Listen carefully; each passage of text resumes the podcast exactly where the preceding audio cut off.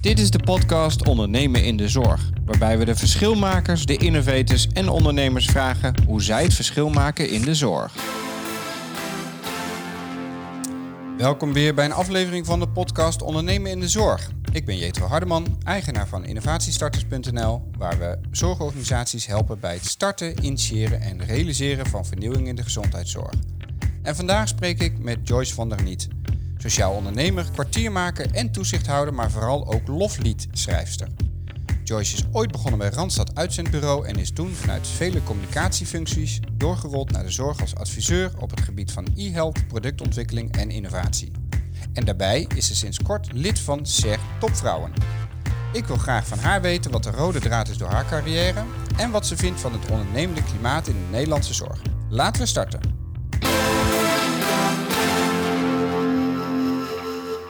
Nou, goedemorgen Joyce. Goedemorgen. Joh. Goedemorgen. Ehm, en we hebben eigenlijk al een heel leuk voorgesprek gehad, uh, waar we gelijk de diepte in gingen. um, maar we gaan, uh, we gaan even beginnen bij het begin. En ik begin altijd bij, hoe was je als kind? Oh, ja. Ja. Hoe was ik als kind? Nou, ik ben opgegroeid in een domineesgezin. Dus ik was dochter van een dominee. Mm. Ik denk dat ik heel... Um, nou, ik heb twee zussen. We waren altijd uh, heel gezellig en druk. En het was altijd een gezellige boel bij ons. Ik denk als kind was ik uh, best uh, ja, lief en sociaal. En ik denk dat we ons heel erg geleerd hebben ons aan te passen ook. Omdat je natuurlijk in een domineesgezin ook wel een voorbeeldrol uh, hebt. Want dus, welke invloed heeft dat dan? Ja, dat heeft toch wel, nou ja, daar kom je dan later wat achter, maar dat heeft toch wel wat invloed. Want je gaat uh, je eigenlijk al meteen aanpassen aan een nieuwe omgeving. We zijn vaak verhuisd. Uh, vroeger was het nog zo dat de dominee om de vijf jaar beroepen werd naar een gemeente. Ja. En dan gingen wij natuurlijk mee. En uh, ja, als kind pas je je aan aan een nieuwe omgeving. Dus ik denk dat je dat ook wel weer als, als voordeel meeneemt in je leven. Maar ook wel dat je, ja, we werden altijd uh, of gebeld dat er bijvoorbeeld iemand was overleden. En dan namen wij op en dan waren we al gewend om te zeggen, nou, gecondoleerd. En uh, op jonge oh. Zo is het best wel, ja. Dus dat zijn best wel verantwoordelijke taken al die je dan krijgt, ja, toch? Dus ik denk, ja, en het was niet zo dat het ons gevraagd werd, maar Nee. dat, dat doe je dan al snel. Ja.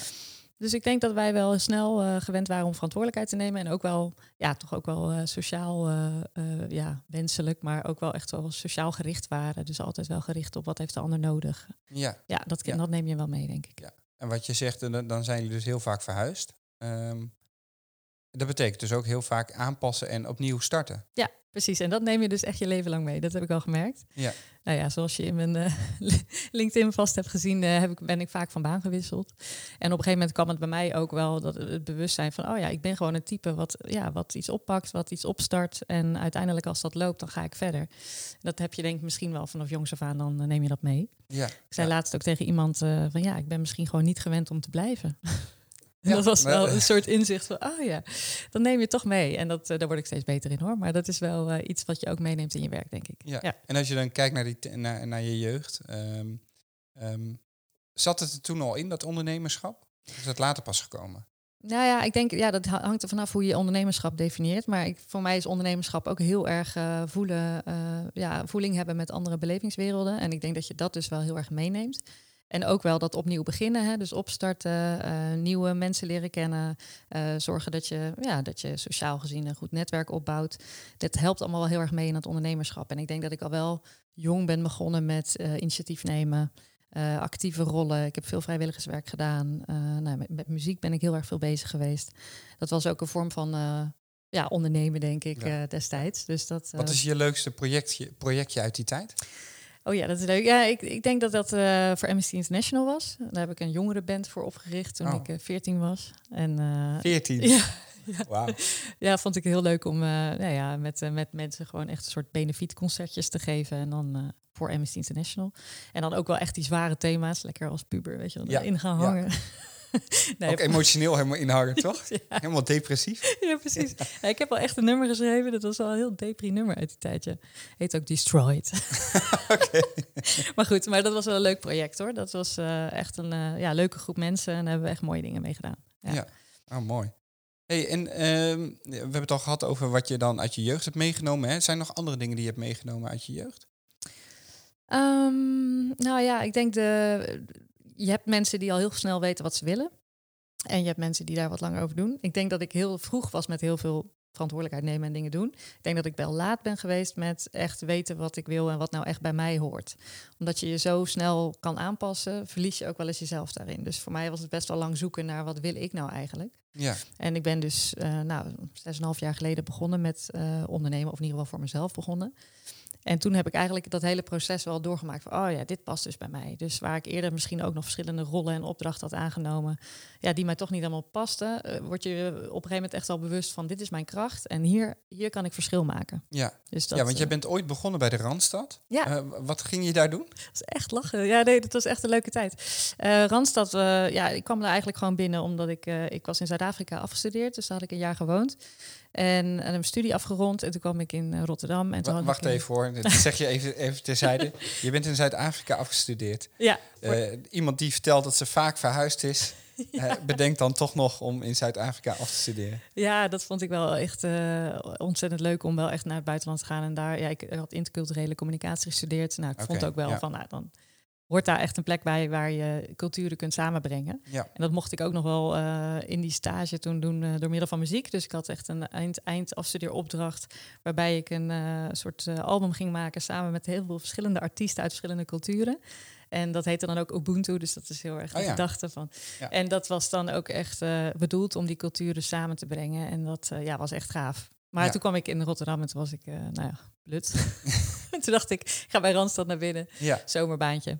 En toen zeiden ze eigenlijk al snel van, joh, kom, kom hier gewoon als incident werken. Daar uh, zien we jou wel uh, echt uh, in aan de slag gaan. Ja. Nou, toen ben ik daar gaan starten en met eigenlijk nul verwachtingen, want ik kende het eigenlijk nog niet zo goed. En dat bleek eigenlijk een hele leuke rol, want ja, als incident kun je dus vraag en aanbod samenbrengen. Maar wat ik vooral leuk vond, ik was incident op uh, in Rotterdam-Zuid.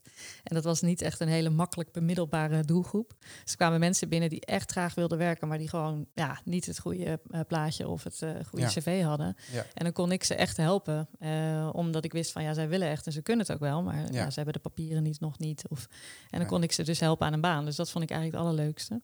En dan was daar dus uiteindelijk, eh, ja, was er ook omzet en dat was hartstikke mooi. Dus die combinatie van mensen helpen en uiteindelijk ook wel, eh, ja, gezond ondernemen, zeg maar, voor Ja. Randstad vond ik heel Ja. erg leuk.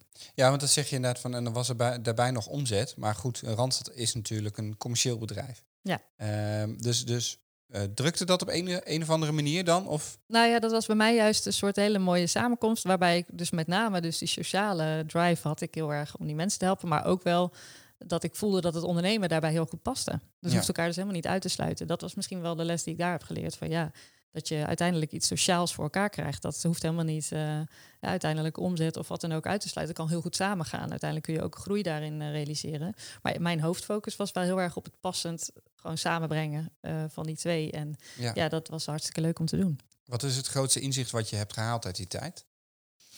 Nou, dat ik dus eh, het verbinden van, van mensen met, eh, ja, dat, dat eigenlijk nou, de potentie van mensen zien en dan kijken of je daar echt eh, iets mee kan.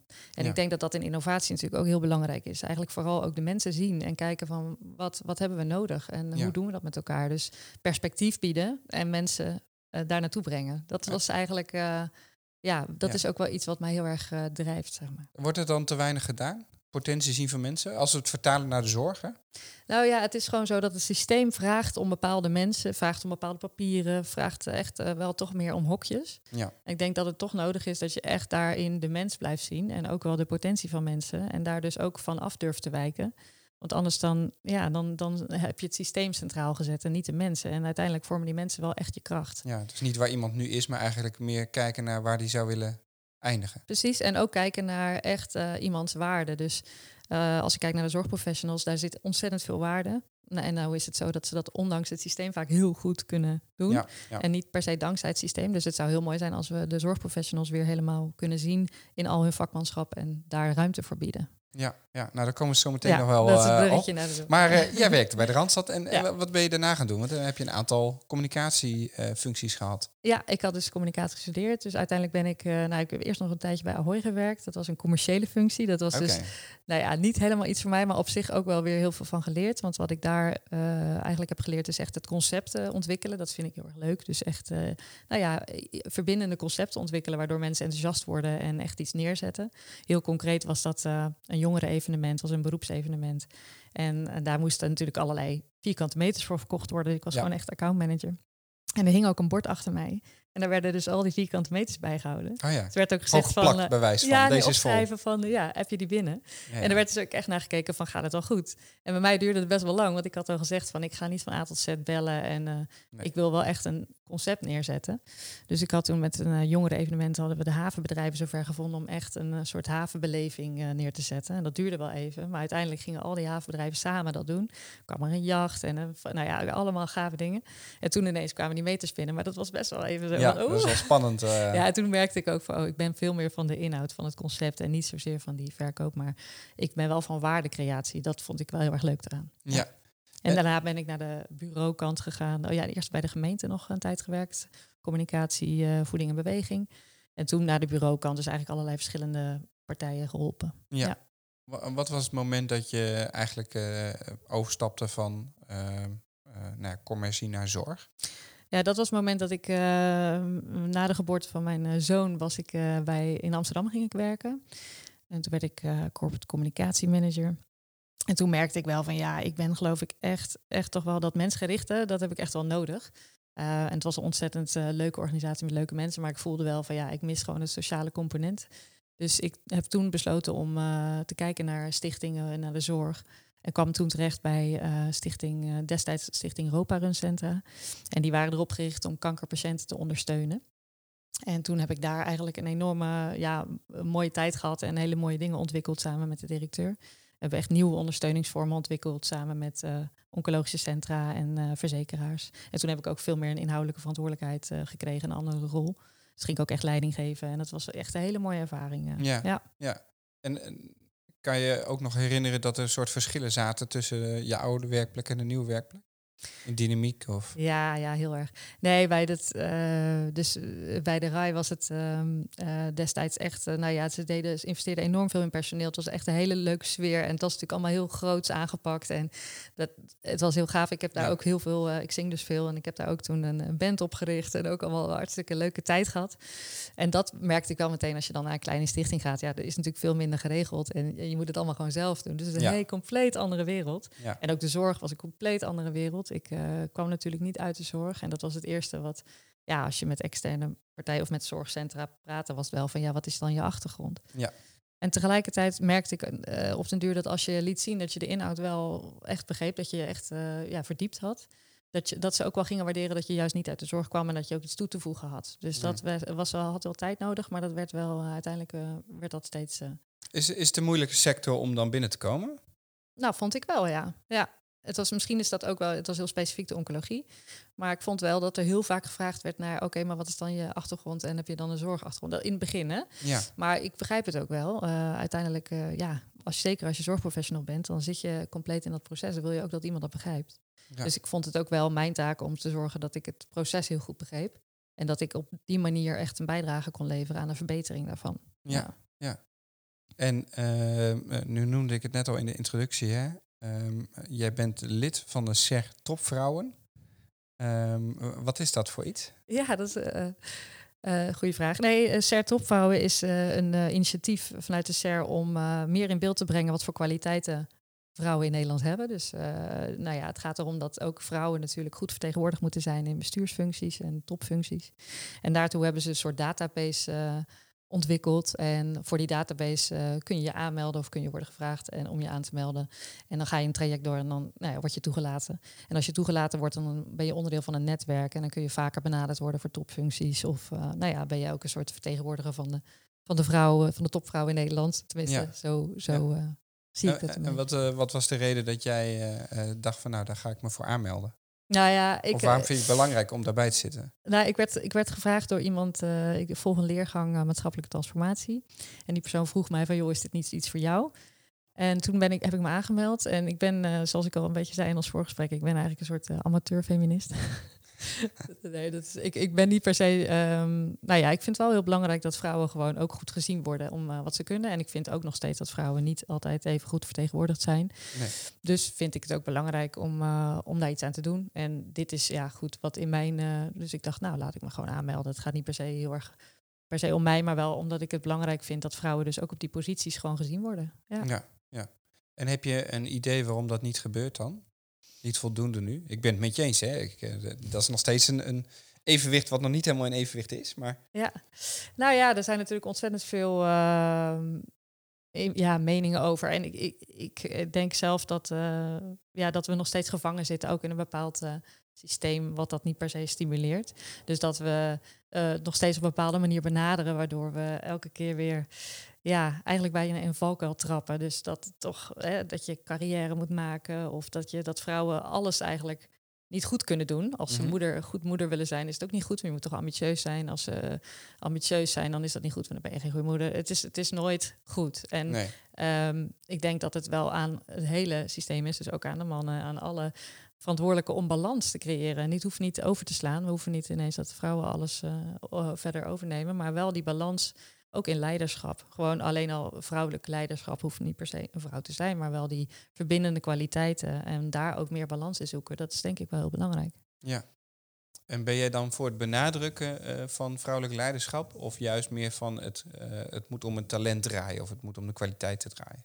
Ja, uiteindelijk vind ik dat het inderdaad wel om talent en kwaliteit moet draaien. Ik denk wel dat we dit soort eigenschappen, dus, dus die verbindende eigenschappen, het, uh, het, het, empathische, dat we dat ook heel erg nodig hebben. Ja. Dus dat zijn kwaliteiten die we nodig hebben. En als, nou, dat is dan vrouwelijk. Maar ik denk dat je op die manier wel moet kijken van wat hebben we nou aan kwaliteiten uh, nodig en hoe gaan we ons team dan op, daarop samenstellen. Ook in uh, raden van toezicht of bestuur. Ja, ja, en ik, ik denk stiekem, want dat is de, de andere kant. Hè. Nu is het inderdaad uh, vaak toch wel uh, de, de, mannen die dan hoog in die topfuncties zitten.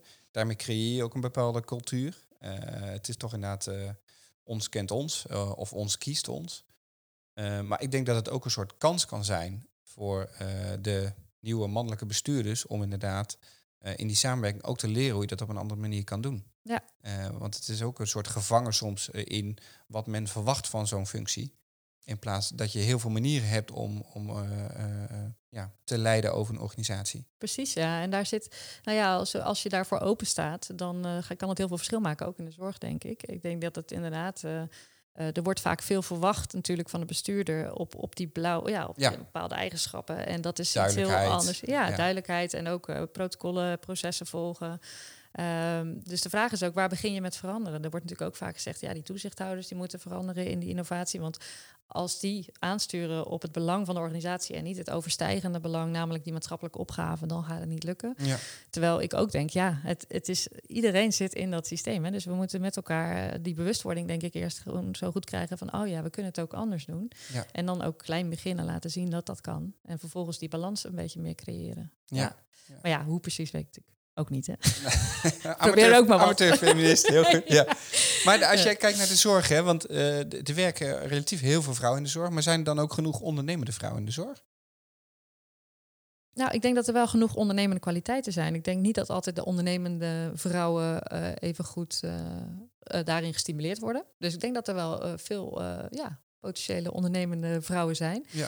En zeker ook de zorgprofessional die uh, een brede verantwoordelijkheid heeft uh, in de wijk, die is ook echt uh, actief op allerlei fronten. Dus ja. dat, dat zie ik zeker, die ondernemende vaardigheden. Ik denk alleen dat wij ja, nog meer moeten doen om dat te stimuleren en ook te ondersteunen, vooral dat. Ja. Wat, zou, wat zou helpen dan? Nou ja, minder regeldruk en meer autonomie. En dat betekent dus ook vertrouwen. Eigenlijk moeten we gewoon van angst naar vertrouwen gaan. En dan wordt het denk ik een stuk leuker ook om in de zorg te werken. Ja, uh, ja het is niet zo dat iedere zorgprofessional het zo ervaart, denk ik. Er zijn ook echt wel zorgprofessionals die gewoon heel veel de ruimte krijgen en dat allemaal heel prettig uh, kunnen doen. Maar ik denk dat er ook een grote groep is die uh, nou, niet altijd de gelegenheid krijgt om Nieuwe ideeën aan te dragen, dat uit te proberen. Uh, ook eens een keer uh, ja, te falen, of in ieder geval te falen. Dat een idee misschien niet goed uit te proberen. Ja. En dat is iets wat we niet heel goed hebben ingebouwd, zeg maar. Dat is uh, die ruimte, die ontbreekt vaak nog. En ik denk als het vertrouwen er weer is in alle lagen, dus ook inderdaad minder administratielast, veel meer vanuit het, ja, waar, de bedoeling, dat het dan beter wordt. Ja, een van de positieve elementen die ook wel vaak benoemd werd tijdens de coronacrisis, vooral de eerste weken, maanden was dus inderdaad dat uh, regels weer vloeibaar werden, maar vooral dus dat de autonomie weer uh, bij de verpleegkundigen of in ieder geval bij de mensen op de werkvloer werd gelegd. Dat ze weer ruimte kregen om uh, dingen zo aan te pakken waarbij zij dachten, zo gaat het werken. Ja, en dat is eigenlijk een hele mooie tijd geweest misschien ja. voor dat ondernemerschap. Want dan zie je ook de mensen opstaan die zeggen, ja. ja. maar nu is het moment om het anders te doen. Ja. Dus dat is wel echt gaaf om te zien inderdaad, dat ook wel heel veel is gebeurd daarin. Ja, ja. Het is alleen spannend, eh, wat, wat blijft er van over? Hè? Want ik eh, las een eh, interview van Marcel Levy. Ik hoop hem nog een keer in de, in de Ja. aflevering te krijgen. Maar die, zijn titel was iets van, zo, corona is bijna weer weg, dus nu kunnen de bureaucraten weer aan de slag. Ja. Dus voor we het weten hebben we allerlei beleidsnotities en hij ageert ook een beetje op de missies en visies die elke drie, vier jaar weer worden gesteld. Ehm, ja, dat snap- ik ook wel. Dat het ook weer een soort, eh, we gaan gewoon weer door met waar we mee bezig waren. Ja, en je hoopt ergens dat, eh, nou ja, ze, eh, volgens mij heeft Jan Roopmans, heeft ook gezegd van Ja. 10% zou mooi zijn als de 10% van de mensen wel anders gaan werken, niet meer zoveel naar kantoor gaan, echt het eh, andere gedachtegoed meenemen. Maar inderdaad, ja, je hebt toch ergens wel een beetje stil de ho- stille hoop van, oh, nu gaat het echt anders worden. En nou, dat zal misschien niet in één keer zo zijn, maar ik denk toch wel dat er zaadjes geplant zijn om het wel een andere richting in te krijgen. Ja. Wat eh, als jij eh, eh, nou ja, eh, de sector één advies zou mogen zeggen, wat zou het eerst zijn wat je dan zou afschaffen? Oeh. Om dit te- te bevorderen, hè? autonomie, ondernemerschap. Ja, ik zou dan toch kijken of je meer verantwoordelijkheid in de, in de uitvoering. Ja, niet verantwoordelijkheid, want er is al heel veel verantwoordelijkheid. Ja, meer ruimte. Dus meer ruimte in die uitvoering. Dat mensen meer gezien worden. Dus ja, wat ik zou ook afschaffen, dat vind ik wel lastige. Ik, ik denk eerder in wat zou ik dan wel doen. Maar ehm, nou ja, bijvoorbeeld invloed op je rooster. Ge- Misschien is het, het geldt eh, niet voor alle zorgprofessionals, maar de meeste hebben ook gewoon nog hè, een bepaald rooster waar ze aan zich aan moeten houden en Ja. indelen. En daar meer flexibiliteit en zeggenschap in. Dus eigenlijk gewoon meer zeggenschap voor die zorgprofessionals. Ja. En daarmee meer ruimte. Ja, dat is wel grappig wat je zegt, want eh, wat vaak als tegenargument wordt gebruikt is van ja, maar rooster is ingewikkeld en allemaal regel en wetgeving. En ja, dat is te moeilijk voor, voor de medewerkers. Ja, het is moeilijk gemaakt. Maar ik denk, Ja. als je kijkt hoe lokaler Ja. je het allemaal vrijlaat, hoe meer dat ook van zichzelf georganiseerd raakt. Dus Ja. ik, ken voorbeelden uit eh, eh, zorginstellingen waarbij een eh, klein team gewoon heel veel ruimte kreeg en dat heel goed gefaciliteerd werd. Nou, die regelden dat echt met elkaar. Dan heb je ook gewoon dezelfde, en iedereen neemt gewoon verantwoordelijkheid, maar wel met veel meer plezier en een soort van fijne eh, manier van privé-werkbalans, omdat je het Ja. echt met elkaar bepaalt. Dus Ja. ik denk, ik geloof daar toch wel in dat je dat op heel lokaal niveau, kijk, zo ingewikkeld als het is gemaakt, dat, dat begrijp ik dat niet iedere zorgprofessional dat kan overzien. Nee. Maar eh, juist het lokaal beleggen en zorgen dat ze daarin de ruimte krijgen, dat lijkt mij heel gezond. Heeft dat dan ook te maken met schaalgrootte? Want ik denk dat hoe kleiner je het weer maakt, hoe meer je ook die verantwoordelijkheid daar kan laten waar die is. Ja. En op het moment dat je gaat schalen, komen er altijd lagen tussen. En is er weer een poppetje nodig wat dat overziet. En Ja, maar ik, moet ik notities ben dus schrijven. En, Ja, ik ben zelf dus een beetje allergisch geworden voor het woord opschalen. Ik vind opschalen, ik geloof er niet in. Oké. Oh, dat is, Dat best wel een, eh, Ja, ja, ja, ja. Dus eh, nee, maar ik, ik, ja, kijk, ik geloof wel in het delen van eh, bouwstenen van als er iets heel goed lukt ergens, dat je daarvan leert en dat je dat op andere plekken ook Ja. meeneemt. En Ja. dat je, maar dat je het altijd in de context zet. Je kan het niet los van de context zien. Dus ik vind het soms zo zonde dat mensen allemaal denken over ja, we schalen het op en dan is het een oplossing. Ja, ik denk dus dat dat niet werkt. Ik denk ergens van je moet het in de context zien, dan kijken heel goed naar die context kijken van goh, wat maakt dat dat nou lukt? En dat kun je natuurlijk wel meenemen die kennis en dat moet je ook delen, maar het echt ja, een soort van blauw opschalen van iets, daar geloof ik niet in. En ik denk dus, copy-paste werkt niet. Nee, en ook Nee. wat je zegt, die laag omlaag omlaag, ja, dan krijg je dus echt een hiërarchie van die, ja, dat, dat, dat helpt helemaal niet volgens mij. Dus dat is, nou, buurtzorg heeft dat natuurlijk ook heel anders aangepakt. Ik denk dat dat soort andere vormen van, van organiseren echt wel gaat bijdragen. Ja, ja. ja ik, ik heb datzelfde een beetje met het woord implementeren. Ik zeg altijd, eh, als, we, als we beginnen met implementeren, dan hebben we iets aan de voorkant niet goed gedaan. Dan zijn we Want niet dat- vanuit de behoefte vertrokken. Nee, dat voelt altijd zoals, eh, zoals Remco Klaas dat noemt, als een soort fomp naar die medewerkers toe. Eh, hier, alsjeblieft, dit gaat jullie helpen. Ja, Terwijl zo werkt het natuurlijk niet. nee, dat, Nee. Is, dat, ben ik met je eens. Ik vind dat ook een eh, ingewikkelde. Ja. Ja, ja. Ehm, je bent ook toezichthouder bij MEE. Eh, kun je iets vertellen over wa- wat je daar dan doet? Ja, ik ben dus toezichthouder bij mee Rotterdam Rijnmond. Dus mee is een landelijke organisatie en dit is de eh, ja, regionale organisatie. Ehm, ja, daarin ehm, ben ik lid van de Raad van Toezicht. En dat betekent dat ik eh, ja, een soort klankbord ben voor het bestuur, maar tegelijkertijd ook wel toezicht hou op het bestuur. Dat doe ik dan samen met de andere toezichthouders. Dus je kijkt echt naar hoe gaat het met de organisatie. En eh, ja, je bent daar in een klankbord, maar je bent ook wel degene die dat echt in, in, ja, in de gaten houdt of het goed gaat. Ja, en stel dat een van de luisteraars denkt, ik wil ook toezichthouder worden. Want ik heb wel mening en ik wil wel graag een keer eh, op die laag eh, meedenken. Eh, hoe word je toezichthouder? Ik denk dat er meerdere wegen zijn. Bij mij was het heel uh, simpel. Ik heb gesolliciteerd. Dus, uh, maar, okay. ja, nou, maar goed, daar vragen ze natuurlijk wat ervaring. Ja, ik denk uh, in dit geval zochten ze ook iemand die echt wel ja, die kennis over innovatie en het sociale stuk had. maar er zijn natuurlijk meerdere profielen. Ze zoeken ook iemand met een financieel profiel bijvoorbeeld regelmatig. Dus kijken waar je kwaliteiten liggen en of je dan op die manier kan bijdragen. En ook wel ja, het vraagt denk ik ook wel afstand. Dus bepaalde afstand heb je nodig tot de organisatie. Um, en tegelijkertijd uh, inhoudelijke expertise op een thema. Ja. Um, en ik denk dat je wel uh, ja, toch ook een beetje de wereld en de sector goed moet kennen. Ja. En dan moet je gewoon schrijven. Ja, ja want uh, wat houdt het in inderdaad? Wat, wat doe je dan? Is dat vooral vergaderen en schrijven? Of? Nee, nee, ik bedoel meer schrijven van uh, als je dus... Oh, zo, oh sorry. Ja, maar, ja. Nee, dus um, ja, wat houdt het in? Je, op zich, het is natuurlijk best wel een grote verantwoordelijkheid. En tegelijkertijd is het een, een rol die je dus naast andere rollen vervult. Ja. Dus het zijn een x-aantal bijeenkomsten en vergaderingen inderdaad in een jaar. En tegelijkertijd hou je voeling met de organisatie. Dus je spreekt regelmatig met medewerkers, met de OR. je kijkt ook goed met de bestuurder van hoe gaat het.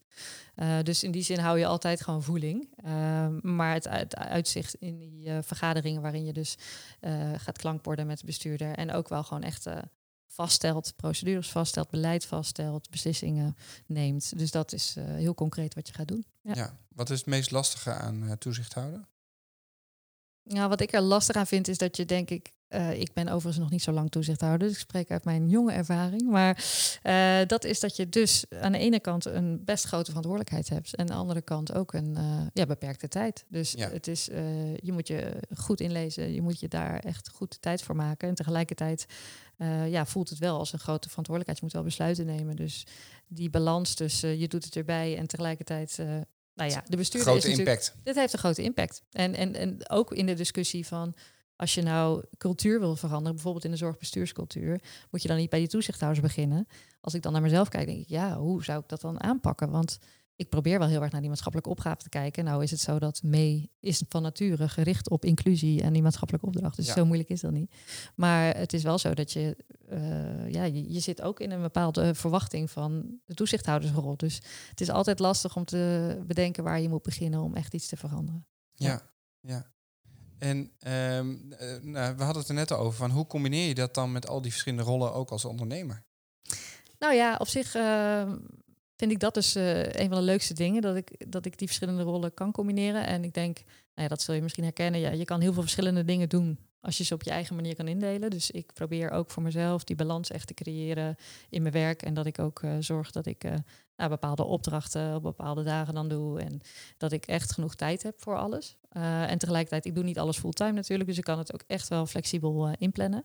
Ja. Ehm, en ik word daar iets beter, steeds beter in. In het begin deed ik nog wel eens. eh, dan werd mij ook gezegd van ja, in theorie kan je heel goed plannen. Zeg maar, in theorie kan het allemaal, maar in praktijk. eh, Altijd tegen. nou ja, dan ben ik altijd degene die denkt van goh, hoe heb ik het allemaal weer bedacht? Maar nu word ik daar wel beter in. Ja. Dus Ja. je moet het wel goed in de gaten houden voor jezelf. Ja. En, en mee richt zich met name op welzijn hè, en, eh, en maatschappij. Is er dan een verschil in ondernemerschap of innovatie als het gaat tussen zorg en welzijn? Ja, ik denk wel dat er verschillen in zitten en tegelijkertijd. Eh, er zitten ook wat cultuurverschillen vooral. Dus Mm. eh, er is wel een andere cultuur, denk ik, in het sociale domein dan in de zorg. Maar in de zorg zit ook heel veel verschil. Dus eh, als je alleen al kijkt naar de ziekenhuizen of naar gehandicaptenorganisaties, ja, er is Ja. ook een wereld van verschil. Ja. Dus ik denk het tempo is anders, maar het, het is ook vooral, ja, de, de uitdagingen zijn ook wat anders. In ziekenhuizen kun je meer snelheid maken, maar dan zit je wel in die ja, koker van het ziekenhuis. En eh, in het sociale domein heb je veel meer te maken natuurlijk met de gemeentelijke afspraken. En dat is best wel moeilijk eh, manoeuvreren. Dus Ja. al die aanbestedingen, alles wat er verwacht wordt, eh, elke, elk gebied weer anders. Het zijn best complexe samenwerkingsstructuren. Dus als je daarin wil innoveren, nou, dan moet je echt wel eh, eh, genoeg ruimte creëren. Ja, ja. Hey, en naast al die andere rollen eh, ben je ook nog loflied, zangeres of schrijfster. Eh, kun je vertellen, wa- wat doe je dan? Zing je de hele dag liedjes? Nou, niet de hele dag, maar wel veel. Ja. Ehm, nou, ik eh, zing al van jongs af aan. Verschillende dingen gedaan. Bandjes, koren, eh, trio's, allerlei eh, combinaties. En ik kwam erachter dat ik zingen vooral leuk vind om mensen te raken. Dus ik vind het leuk om te zingen sowieso. Maar ik vind het het allerleukste als ik echt iemand kan raken. Nou, en hoe kun je iemand beter raken dan echt een liedje op maat, zeg maar, helemaal voor jou geschreven. Ja. Dus ik was, uh, nou ja, inmiddels ook zes jaar geleden, denk ik. Ja, um, ben ik samen met mijn toenmalige zanglerares uh, het idee begonnen om echt liedjes uh, te schrijven voor persoonlijke gelegenheden. En dat hebben we ja, op een heleboel verschillende manieren al gedaan. Dus doen we bij uh, huwelijken, maar ook uh, afscheid vooral, dus zakelijk afscheid. En dan zie je dat je iemand echt uh, de erkenning kan geven ja. in wat hij of zij betekend heeft voor een organisatie of voor een persoon. En dat is hartstikke leuk om te doen. En hoe gaat het in zijn werk dan? doe je dat zoals Ali B in een second? Of nee. heb je daar wel wat meer voorbereiding voor nodig? Nee, wij doen dat wel echt met. Uh, nou ja, we willen echt het verhaal heel goed horen van iemand. Dus we gaan echt uh, uh, proberen de mensen eromheen goed te spreken. Het is vaak een verrassing. Dus dan wordt het gegeven. Dus nou ja, jij geeft het aan iemand in een familie bijvoorbeeld. Ja. En dan gaan we proberen de juiste mensen bij elkaar te verzamelen die daar uh, ja, die het verhaal goed kunnen vertellen. En dan uh, ook wel de voorkeuren en smaken, dus uh, muziek smaken. dan kunnen we dat allemaal een beetje meenemen in het gevoel van het liedje. Ja. En dan schrijven we dus echt op maat het liedje. En uiteindelijk doen we dat op een moment spelen we dat uh, nou ja, als verrassing. Dus dat kan zijn bij een feestje of wat dan ook. En dan komt er ineens een cadeau en dat is dan een liedje. Ja, ja dus ik kan jou helaas niet uh, nu direct vragen, zing even een liedje. Of heb je ook liedjes die algemeen zijn? Uh, ja, nee. nee ja, we, ja, ik kan natuurlijk wel liedjes zingen, maar ik denk dat het leuker is als je gewoon...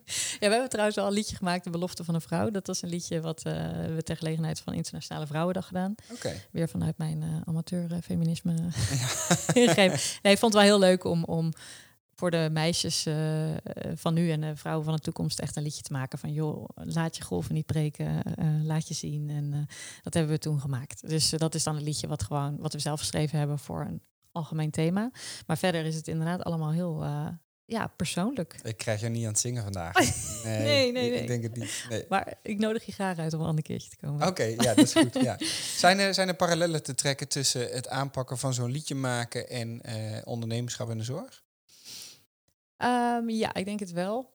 Ik denk dat het ook te maken heeft met, uh, nou ja, wat ik al zei, van belangrijk om mensen te zien. Dus dat is de basis, denk ik. Dat doe je met liedjes natuurlijk ook. En je, je schrijft ja. iets helemaal wat past bij iemand. Uh, in de zorg nou, als het gaat over transitie, denk ik ook dat het gaat over het verbinden van inhoud met mensen. Dus dat uh, in de rol van kwartiermaker probeer ik uh, eigenlijk de toekomst van zorg dichterbij te brengen. Dus uh, alle ontwikkelingen die we kennen op zo'n manier ja, te omschrijven en aan te bieden dat mensen ook echt daarmee aan de slag kunnen gaan. Dus dat ze ook zich aangesproken voelen van hé, hey, daar heb ik verschil in te maken. Dus ik denk iets teweeg brengen bij mensen dat dat uh, een gemene deler is. Dat wil je overal in laten terugkomen. In een liedje wil je mensen raken en je wil uiteindelijk in transitie ook mensen echt in beweging uh, brengen. Ja, ja. En de, de rode lijn die ik er nou in zie is um, dat mensen zich echt gezien voelen. Ja. He, dat is in je, in je liedjes, maar dat is eigenlijk ook in wat je in het begin vertelde, uh, vanuit de Randstad, hè, de echt mensen voor de mensen gaan. Ja. Uh, en wat volgens mij ook wel echt een, um, een pluspunt is als het gaat om vernieuwen of ondernemen. Ja. Is dat als je voor die eindgebruiker iets wil doen, dat hij ook echt het gevoel heeft dat het voor hem is. Ja. En niet, en dan komen we een beetje bij het opschalen, dat het gewoon een soort standaard uh, opschaalproduct is geworden. Nou, misschien is dat dus inderdaad mijn aversie ook met dat opschalen. Ik, uh, inderdaad, dat je het juist het unieke van ieder mens en, en de kwaliteiten, dat je die durft te zien en dat je daar ook echt iets mee doet. Ja, ja. ja. Um, ik heb jou ook gevraagd om een persoonlijkheidstest uh, uh, in te vullen. Dat is altijd een standaard onderdeel. Um, je scoort 100%, 100% op veranderbereidbaarheid en niet conservatief.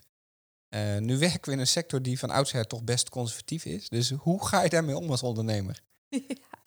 Oh, dat is wel hoe doe je dat? Um, ja, dat doe ik denk ik door dus net niet in het systeem te gaan staan. Dus ik sta met één been in de zorg en met het andere been heel duidelijk vanuit het, uh, ja, meer het onafhankelijke, het ondernemende. En zo kun je denk ik ook een bepaalde snelheid brengen. Mm -hmm. uh, en ik denk ook dat je, ja, juist door niet onderdeel te worden van die hiërarchie en van het conservatieve systeem, kun je denk ik ook verandering brengen. Dus dat is denk ik ook wel... Um, Buiten het systeem blijven. Ja, aan de ene kant wel en tegelijkertijd wel goed voeling houden en weten waar je het over hebt. Hè. Dus niet compleet van buiten, maar wel inderdaad één been erin en de andere been duidelijk ook wel echt uh, uit het systeem. Ja. Gedij jij goed in een hele conservatieve context? Nee. Nee? wel eens meegemaakt? Ja, ja, ik denk dat ik dat natuurlijk ook wel een beetje meeneem vanuit mijn jeugd. Uh, ja, domineesgezin. Nou was mijn vader overigens niet zo uh, heel streng in de leer. Maar het is wel zo dat, dat, dat er heel veel verwachtingen zijn dan. Ja. En ja, ik was daar al vrij snel wel duidelijk was het voor mij van ja, dat, dat pas ik niet helemaal in. Dus Is dat misschien ook de bron waardoor je nu inderdaad juist eh, ziet van joh, eh, veranderen en open? En... ja, en waarom ik ook niet zo heel goed ben in, eh, ja, ik ben niet voor niks ondernemer geworden. Dus ik heb toch die onafhankelijke rol vind ik blijkbaar heel belangrijk en die autonomie. Ja, Ja, ja. Oh, mooi. Uit de test komt ook naar voren dat je prestatiegericht, principieel en hardwerkend bent. Eh, en misschien is dat ook wel de Rotterdamse mentaliteit die daar doorheen zijpelt, dat, dat weet ik niet. Ehm, maar ondernemen vraagt vaak ook aanpassen en wendbaarheid. Ehm botst het wel eens met je principes? Nee, eigenlijk ben ik best wel wendbaar. Dus ik, ik, dat botst niet. Maar het is wel zo dat ik heel gewetensvol ben. Dus, eh, dus af en toe eh, ben niet, nou, ik ben niet zwaar op de hand. Maar ik denk dat ik wel voor mezelf best wel de lat kan, hoog kan leggen. En dan ook heel erg kan denken, ja, maar doe ik het nu goed? Of doe ik het goed eigenlijk vooral? Ja. Nou, ik denk dat het op zich eh, in het onderwerp wel helpt dat je dat bent. Maar soms dan ben ik wel eh, lastig voor mezelf. Dat wel. Ja. ja. Ja, want soms vraagt eh ondernemerschap ook inderdaad accepteren dat het 80% is. Of dat de opdrachtgever nou eenmaal dit wil, terwijl je idealiter denkt van ja, maar dit zou eigenlijk het beste zijn. Hoe ga je daar dan mee om? Ja, dat, eh, nou ja, ik probeer daar wel een middenweg in te vinden, waardoor ik in ieder geval eh, voor mezelf eh, heel goed weet wat mijn bijdrage wordt. Maar ik moet zeggen dat ik dat een van de lastige dingen vind. Ja, dat je, je moet heel goed naar jezelf luisteren en heel goed bij jezelf blijven. En ik ben wel heel erg geneigd om mee Anderen te te gaan. helpen. Ja, ja, om mee te gaan in wat de ander van mij vraagt. Dus ik heb in het verleden heel vaak ja gezegd op dingen waarvan ik denk nu. Nou, Oh. toch wel eerder nee zou moeten zeggen of nee zou zeggen, omdat ik voel van ja, dat is niet mijn kracht. Ik kan nu gewoon heel duidelijk zeggen, je moet me niet hier en hier voor vragen. Ja. Maar dat kon ik vroeger niet zo goed. Dus Nee. ik heb al veel dingen gedaan waarvan ik achteraf denk, nou, was dat nou echt een rol voor mij? Of eh, was ik heel dicht bij mezelf daarin? Dat, dat weet ik niet. Nee. Dat is, Is, is dat ook een les die je moet leren als ondernemer? Ja, denk het wel. Ja, zeker. En ik moet zeggen, er zijn heel veel ondernemers die heel duidelijk een plan hebben van dit is wat ik ga doen. Ja. En dat is bij mij dus anders. Ik denk dat mijn kracht juist zit in het feit dat ik die veranderbereidheid mee kan nemen. Maar dat wisselt natuurlijk wel heel erg in de omgeving wat je dan precies gaat doen. En het ontwikkelen van concepten daarin, dus ideeën bedenken waardoor je echt mensen kan verbinden, dat is wel een rode draad en daar hou ik wel aan vast. Ja, dat is voor jou de kern. Ja. ja. Ehm, als het gaat om de behoefte aan spanning, dan scoor je daar laag op. Eh, Echt? ja, waarbij je het liefst eh, risicomijdend bent zelfs. Nee, echt? echt? Oh, ja. dat had ik nog niet helemaal Ja. eruit gehad. Toch vraagt ondernemen wel eh, risico's nemen. Ehm, herken je dat? Eigenlijk niet, hè? Nee, ik denk wel dat ik die. eh, ik, ik vind mezelf minder. eh, ja, ik vind mezelf minder wild dan vroeger, dat wou ik zeggen. Maar ik, ik denk dat ik vroeger heel erg juist op het. Ja, eigenlijk het impulsieve heel erg Oh, zat. geef af voorbeelden, graag. Oh ja, nou ja. eh, ja. eh, ik denk dat ik, dat ik altijd heel snel ja heb gezegd. En dat, dat is dus ook met leuke vragen. eh, ja, je kon mij echt als iemand me zou zeggen... Nou ja, ik heb dat vroeger gehad. Dan was ik 16 of zo. En dan zeiden twee meiden tegen mij... Heb je zin om mee te gaan naar Londen? Want we gaan zingen. En ik kende ze helemaal nauwelijks. En dan zei ik, ja, is goed. Ga ik Ja. mee. Ah, ja. En eh, nou ja, gewoon allemaal leuke dingen ook doen. Maar ook wel een beetje, nou, toch wel een beetje naïef of zonder na te denken. En ik denk dat ik daar wel veel rustiger in geworden ben. Dus ik denk dat ik hem heb ingevuld vanuit de fase waarin ik nu zit. Maar het zit nog steeds wel in mij om enthousiast te worden van impulsieve ideeën. Ik, ik, ik, heb, ik hou echt wel van, ik, durf ook wel risico's te nemen. Alleen ik denk dat ondernemen helemaal niet zoveel risico nemen is. Ik denk dat je als ondernemer heel goed weet waar je mee bezig bent. En ik had laatst ook tegen iemand die zei van ja, maak je nog geen zorgen over je, over je inkomen. Ik zei nou, daar heb ik me echt nooit zorgen over gemaakt. Dus het is niet zo dat je ja, als een soort. eh, nee, het is niet zo dat je heel veel risico neemt als je ondernemer bent. Maar ik denk wel dat je het moet durven. Durven om iets nieuws te doen. En dat durf ik denk ik wel. Daar ben ik absoluut niet bang voor. Ja. Is maar dat heb- misschien ook de les inderdaad? Dus dat je niet moet kijken naar de, de angst voor oh, eh, wat als het financieel niet haalbaar is, maar juist naar voren moet. Ja. Kansen pakken. Ja, ik denk dat ik van nature gericht ben op kansen en mogelijkheden. Dus dat heeft me altijd geholpen. Maar dat wil niet zeggen dat ik roekeloze beslissingen neem. En dat is gewoon een groot verschil. Ik denk dat je op een bepaalde manier altijd wel een beetje controle hebt bij jezelf. Je weet gewoon precies wat je aan het doen bent of wat je wil doen. Dus dat is misschien wel wat je terugziet in die test. Eh, en ik ben, Ja. denk ik, eerder wel veel impulsiever geweest dan ik nu ben. Ja, Ja. ja. Ja toch risicomijdend. Dat, is- het zit natuurlijk niet lekker, hè? Nee, het zit me niet helemaal lekker. Nee. Eh, toch een beetje controlfreak misschien. Eh, misschien ben Ja. ik wel, de, je wil wel in controle zijn. Ik denk dat dat wel een beetje de, ja, Ja. Dat is het wel. Is denk ik ook niet erg. Hè? Dat, eh, ik denk dat dat juist misschien ook wel belangrijk is als ondernemer. Om Ja. wel focus te houden op waar wil ik dan naartoe. En, Ja. Dat is wel zo. Ja, het grappige is, ik uh, box ook veel en graag. Oh. Ja, maar dan gaat het dus ook over loslaten. Als in als je gaat sparren, dan ja, heb je duidelijk geen controle. En dat Nee. is ook echt iets. daar ben ik nog steeds mee bezig. Van, oh ja, ja, je kan gewoon natuurlijk echt wel harde klappen krijgen. En je moet er wel Ja. gewoon incasseren en dan weer verder gaan. Ja, En eh, ja, dat is, nou ja, dat zijn wel sporten die helpen bij dit soort. eh, ja, ja. Neem je dat ook mee inderdaad in je, in je werk? Ja, ik Dat denk. soort lessen? Nou, ik denk het wel, ja. Ik merk het ook met zingen. Bij mij is toch al de grote les bij alles. Als ik het vanuit mezelf doe en ontspannen, wordt het altijd beter. Ook boksen. Dus Ja. als ik vanuit de ontspannen houding, ja, gewoon met vertrouwen in mezelf daar sta, dan gaat het altijd beter dan wanneer je geforceerd probeert het heel erg goed te doen. Ja, ja. Ja, dat is mijn grote les, denk ik, door alles heen. Ik moet zelf eh, terugdenken aan, eh, want dan, zie ik gelijk één beeld voor me. En eh, ik was ook een jonge hond die overal ja op zei. Ook toen er een, een filmpje werd gemaakt vanuit de organisatie, waar ik dan even mooi moest gaan vertellen over, ik, ik weet niet eens meer wat. Ehm, en dat was zo'n duidelijk moment dat ik voelde dat ik iets moet vertellen wat niet van mij was. En ik blokkeerde zo enorm dat ik inderdaad vanaf dat moment ook echt voor mezelf besloten, ik doe alleen nog maar dingen, eh, leesopdrachten, eh, als ik er zelf in geloof, als het van mij is. En dat betekent soms dat je de informatie zo moet verdiepen eigenlijk inderdaad, dat je echt voelt van nou, nu beheers ik het, nu is het mijn taal. Ehm, maar dat is wel zo'n moment eh, dat je inderdaad zegt van ja, weet je, dat, we gaan ons niet meer laten lenen voor een ander, want het komt er dan ook gewoon niet uit. Ah, het is echt heel herkenbaar, ja. Ja, ik heb ook echt van die momenten gehad dat ik dacht... Hoe kan het dat ik hier sta? Ja. Ik voel me hier helemaal niet comfortabel bij. Nee. Welke broek trek ik nu aan? Dat is niet, eh, dit past niet bij mij. Nee. Je voelt heel veel verschil wanneer je gewoon voelt, dit is gewoon Ja. mijn rol. Ja. Als dat natuurlijk bij je past en als je echt wel vol vertrouwen er zit, dan, eh, ja, dan, dan gaat het ook goed. Dus ik herken het heel erg. Ik ben daar ook wel gevoelig voor dat ik inderdaad heel snel, nou ja, in het verleden zeker veel ja zei. En dat ik dan op posities of momenten terechtkom dat ik dacht, hè, dit is helemaal niet aan mij. Nee, nee. nee dat Ja. zie je denk ik ook wel terug af en toe in de zorg. Hè? Dat, dat mensen op posities zitten inderdaad waarbij je ziet van ja, eigenlijk haal je niet het beste uit jezelf. Eh, heb je inderdaad een broek aangetrokken die eh, misschien helemaal niet, hè, die eh, misschien hiërarchisch wel eh, fijn is, maar eigenlijk helemaal niet past. Ja, en daar open over durven te zijn, dat Ja. is echt nog wel eh, spannend natuurlijk. Ja, ja, ja. Het blijkt ook dat je meelevend, openhartig en behulpzaam bent. Ehm, Ah, wat denk ik, dat kan alleen maar goed zijn, hè? Dat kan alleen maar goed zijn. Maar goed, heb je ook wel eens te maken met andere ondernemers of opdrachtgevers die daar misbruik van maken? Eh, ja, ik denk wel dat dat. eh, nou, ik denk wel dat, dat er veel mensen zijn, die, of tenminste veel partijen zijn geweest die eh, wel iets van je willen. Mhm. Ehm, en ik ben altijd gewoon. Ik sta gewoon open om mensen en partijen te leren kennen.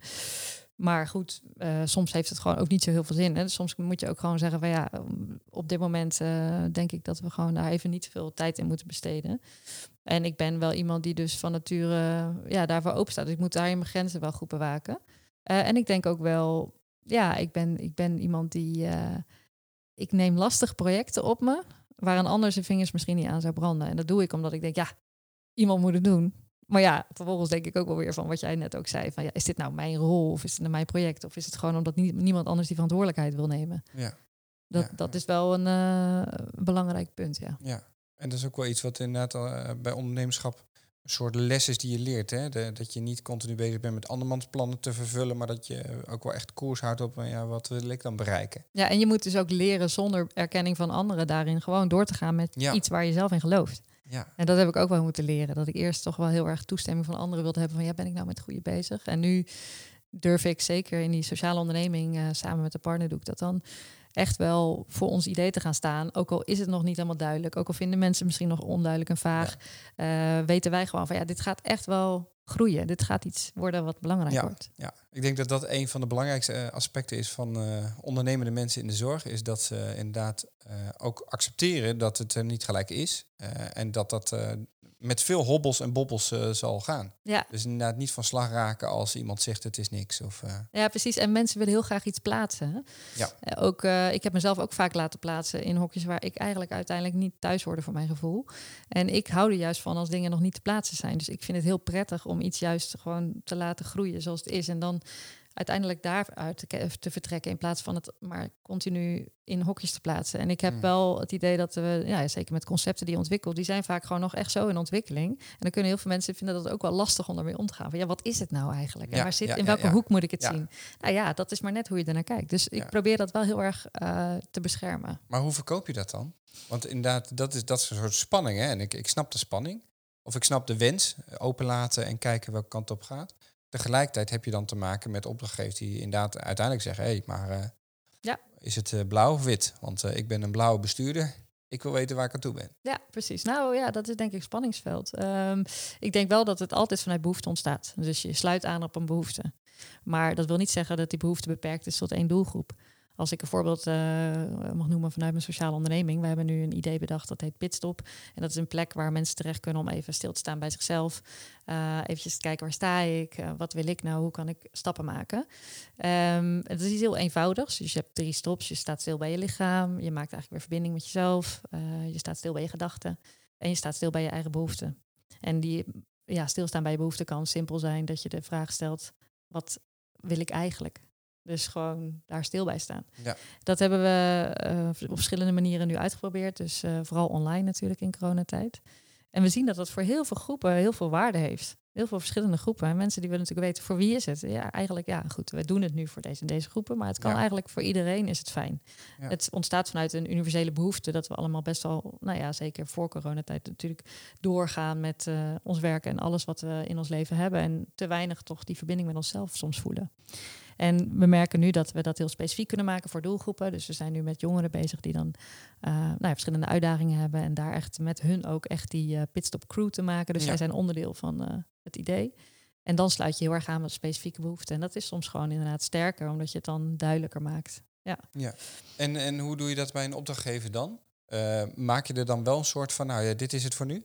Nou, bij een opdrachtgever om het krijg ik hokje dan toch te maken? Ja, Want- grappig. Ja, eh, ik krijg dus vaak vragen die dus daarvoor nog zitten. Dus ik heb bijvoorbeeld vanuit de Rotterdamse Zorg de vraag gekregen... kun jij een soort eh, toekomstschets maken van eh, zorg en gezondheid in 2030... op basis van alle visiestukken die er al zijn landelijk... maar ook die regionale context daarin meenemen.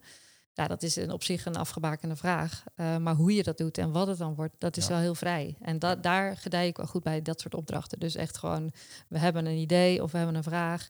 En hoe ik dat ga doen, dan ga ik dan uitzoeken. En dan ga ik verbindingen en samenwerking opzoeken. Dus ik heb niet heel snel. Ja, nou ja, ik heb bijvoorbeeld ook een vraag gekregen vanuit een ouderenorganisatie. Kun je ons helpen met echt andere oplossingen voor de ouderenzorg?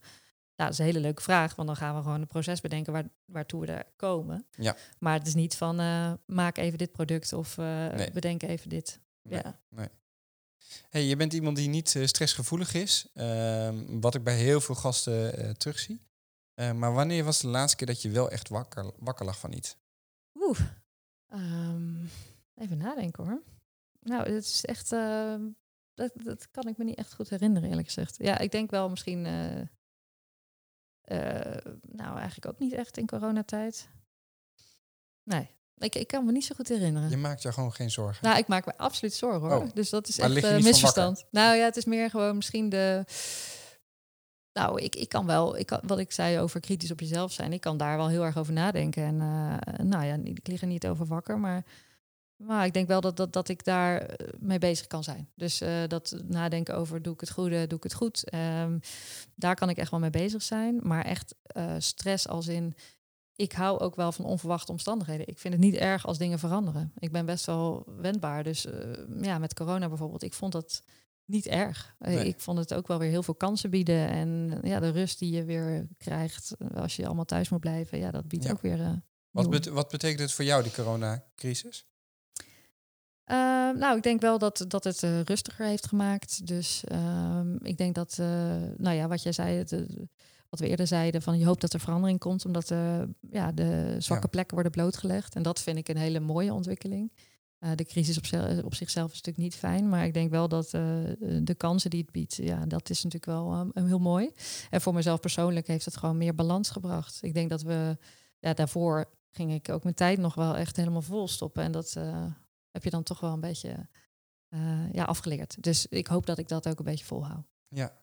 Als je ondernemers of ondernemende mensen in de zorg nou één wijsheid op een tegeltje zou mogen meegeven, wat zou er dan op staan? Echt hele moeilijke vragen. Zeker. Mm, Neem jezelf zo serieus als je een ander zou nemen. Mooi. Mooi. Waarom die? Nou, misschien wel omdat het ook mijn les is. Ja, omdat ik echt wel heel erg anderen serieus probeer te nemen, maar tegelijkertijd mezelf soms wel eens oversla.